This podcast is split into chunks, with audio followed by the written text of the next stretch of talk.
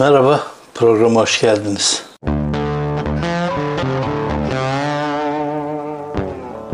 Bugün tekkelerden, tarikatlardan bahsedeceğiz. Biliyorsunuz geçen gün 20 yaşında bir delikanlının intiharından sonra bu tekrar gündeme geldi ve konuşulmaya başlandı. Bu 3 ayda bir, 6 ayda bir tekkeler, zaviyeler ve tarikatlar konuşuluyor Türkiye'de.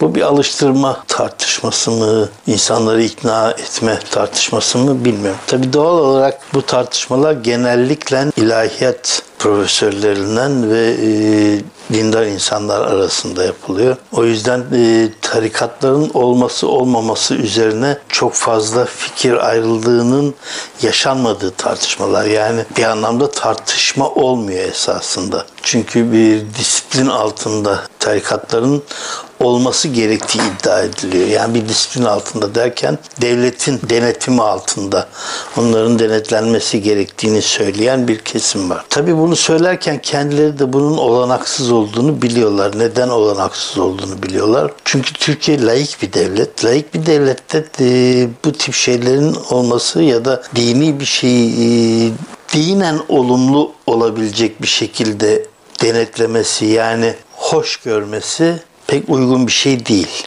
Din bunu devletin karışmadığı bir şey olması gerekiyor. Bunun da eğitimli bir şekilde e, özel bir şekilde yapılması gerekiyor ama bu böyle olmuyor. Neden olmuyor? İslamiyet'te e, laiklik olanaksıza yakın çok zor. Olanaksız hatta yani ben olanaksız diyorum da e, bazı e, arkadaşlar olanaksıza yakın olduğunu söylüyorlar. E, neden ola, olanaksıza yakın? Önce şunu e, söylemek gerekiyor ya da e, anlamak ve tartışmak gerekiyor. İslamiyet bir devlet yönetme biçimi. Müslümanlık inanan anlamına gelen bir sözcük. Müslümanlık Müslümanlık ayrı bir şey, kelime anlamında söylüyorum. E, İslamiyet ayrı bir şey. İslamiyet devlet yönetme biçimi. Devlet anayasasında olma, olması gereken hemen hemen her şey Kur'an-ı Kerim'de var esasında. Yani kadın erkek arasındaki fark, kadının e, miras hakkından tutun da işte hırsızlıkta olacaklar, şu, e, aldatmada olacaklar. Aklınıza ne geliyorsa e, hemen hemen bunlar var.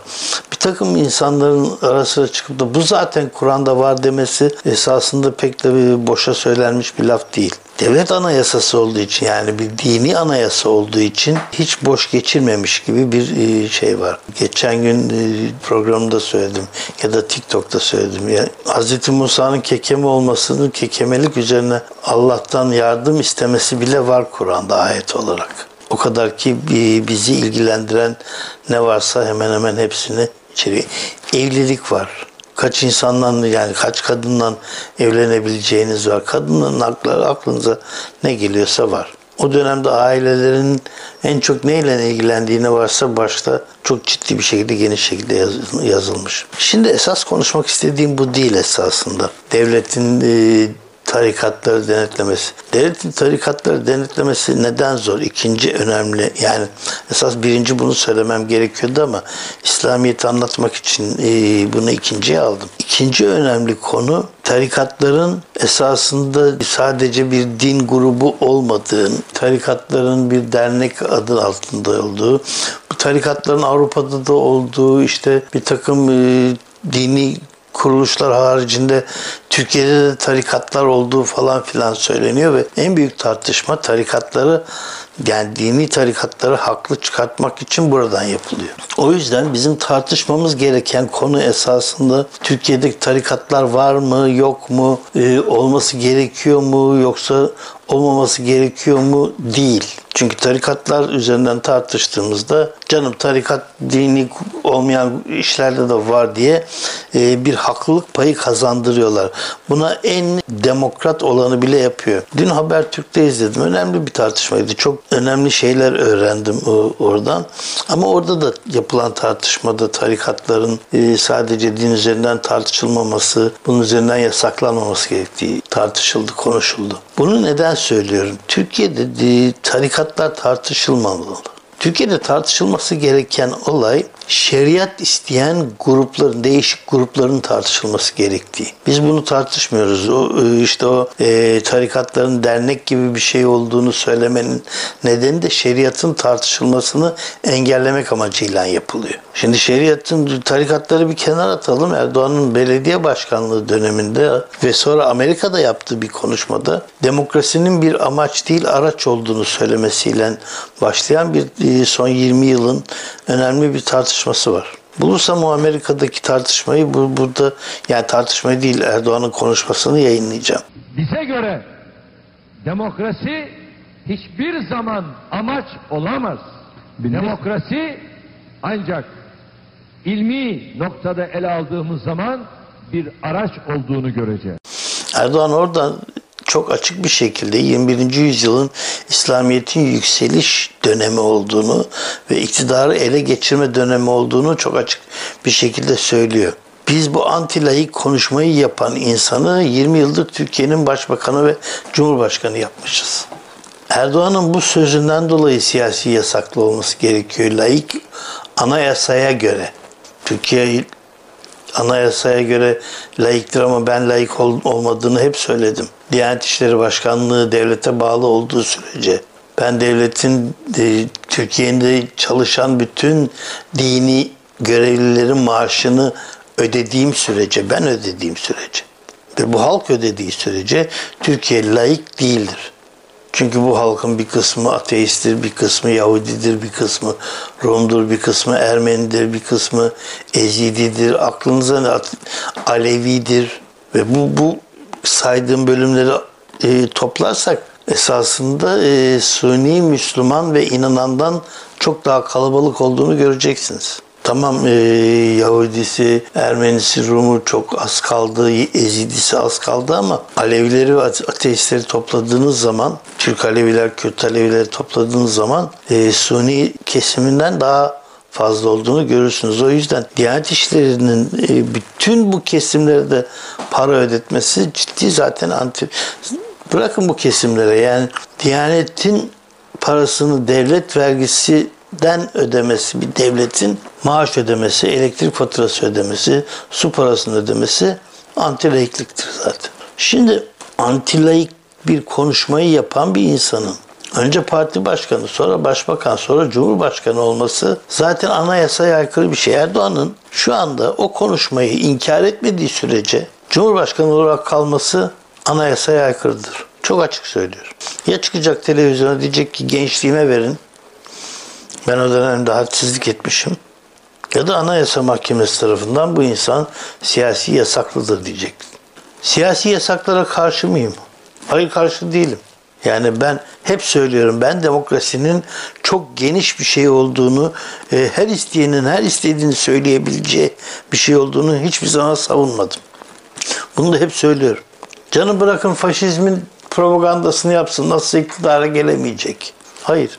Demokrasi bu değil. Faşizmin propagandasını yapmak demokrasi değil. Şeriatın propagandasını yapmak demokrasi değil. Bu dini serbestlik de değil. Erdoğan o konuşmasında söylüyor 21. yüzyılın e, İslamiyet için çok önemli olduğunu ve şaha kalkacaklarını, iktidarı ele geçireceklerini söylüyor. Bu ne demektir?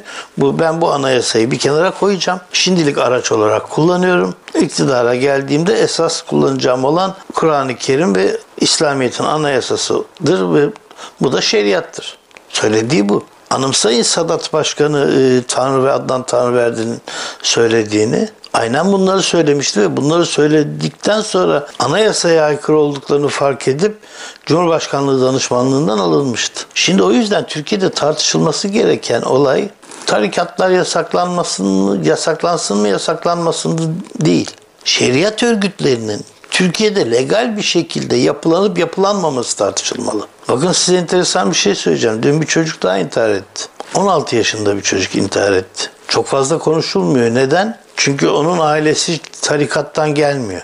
Onun babası KHK'lı olmak suçundan 4 ya da 5 yıldır hapiste. Bu ne demektir?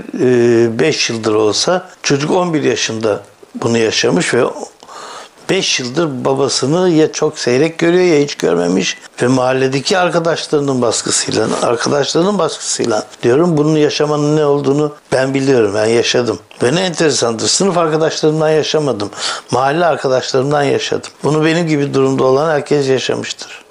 12 Mart çocukları yaşamıştır, 12 Eylül çocukları yaşamıştır ya da benim gibi e, babası komünizm e, iddiasıyla devamlı hapse atılan, gözaltına alınan birisi mutlaka yaşamıştır ve bunun ne olduğunu çok iyi bilir. Kuvvetliyseniz bu yaratılış meselesi biraz da belki. Çünkü bir çocuk 5 en fazla 6 yaşına kadar bütün karakterini oluşturuyor.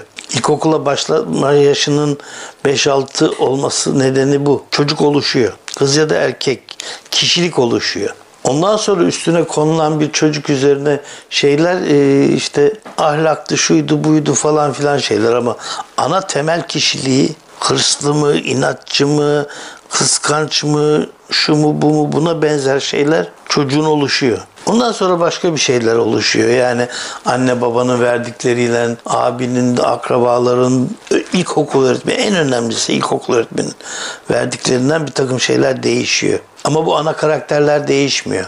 Ne değişiyor? Hırsız olup olmayacağınız ortaya çıkıyor. O aldığınız eğitimle, aldığınız eğitimin bulunduğu mahalleyle, mahalle arkadaşlarınız ve onun aileleriyle sanata mı yöneleceksiniz, biline mi yöneleceksiniz falan filan bunlar hepsi en önemli yaşamdaki anneden bile belki benim hep öyle söylüyorum ben anneden de önemli ilkokul öğretmeni. Çünkü en önemli yaşta sizden daha fazla birlikte olan size bütün bilgiyi veren kadın diyecektim ama %90 ilkokul öğretmenleri nedense kadındır. Belki %90 değil ama %80'e yakını tahminim öyleydi. Öyleydi. Şimdi hala öyle mi bilemiyorum. Benim ilkokulumda, özel ilkokulda bir dönem bir, bir tane erkek öğretmen oldu. O da benim sınıfıma iki aylığına geldi. Avşar Timuçin. Neden iki aylığına geldi? Doktora tezi hakkını kazanmıştı. Üniversiteye geri döndü. Avşar Timuçin önemli araştırmacı, eleştirmen yazar. Benim ilkokul öğretmenimdi. Sonradan masa arkadaşım oldu ayrı mesele. Ama o beş yıl süresince bütün ilkokul öğretmenlerimiz Tülin Hanım, Tanyeri Hanım, sonra Tanyeri ablam oldu. Seçim Hanım, Sevil Hanım hepsi kadındı. Neyse bu başka bir konu ama e, size her şeyi veren o. O sizin ikinci kişiliğinizi oluşturuyor esasında. O ve ailenizin ondan bütünleşme şekli. O aileniz ve hatta mahalledeki arkadaşlarınız. Oturduğunuz mahalle, oturduğunuz mahallenin şekli sizi bütünleştiriyor. Evet şimdi tartışılması gereken ne? Tartışılması gereken tarikatlar mı? Şeriatçı örgütlerin tarikat adı altında bütünleşmesi mi? Çünkü bunları şeriat örgütü adı altında tartıştığımız zaman Cumhuriyet Başsavcılığının hemen kapatması gerekiyor. Laik bir devlet düzeninde anayasasında laisizmin yazdığı bir devlet düzeninde kapatması gerekiyor. Ne İsmail Ağası ne bilmem nesini şusu ne busu. Evet işte bu yüzden televizyonlarda tartışılan tarikat yasaklanmasın mı, yasaklansın mı, yasaklanmasın mı tartışması fasafiso bir tartışma. Ve ben şu anda bir gazetecinin Erdoğan'a sormasını istiyorum. Ben soruyorum buradan bir gazeteci olarak. Amerika'da yaptığınız, daha sonra Türkiye'de de yaptığınız şeriat isteyen konuşmanız bugün hala geçerliliğini koruyor mu korumuyor mu? Koruyorsa sizin anayasaya göre Cumhurbaşkanı olma hakkınız yok hapiste olmanız gerekir. 2 kere 2 4. Ve bu propagandanın başlaması gerekiyor. Nedir o propaganda? Ben şeriatçı cumhurbaşkanı istemiyorum propagandası.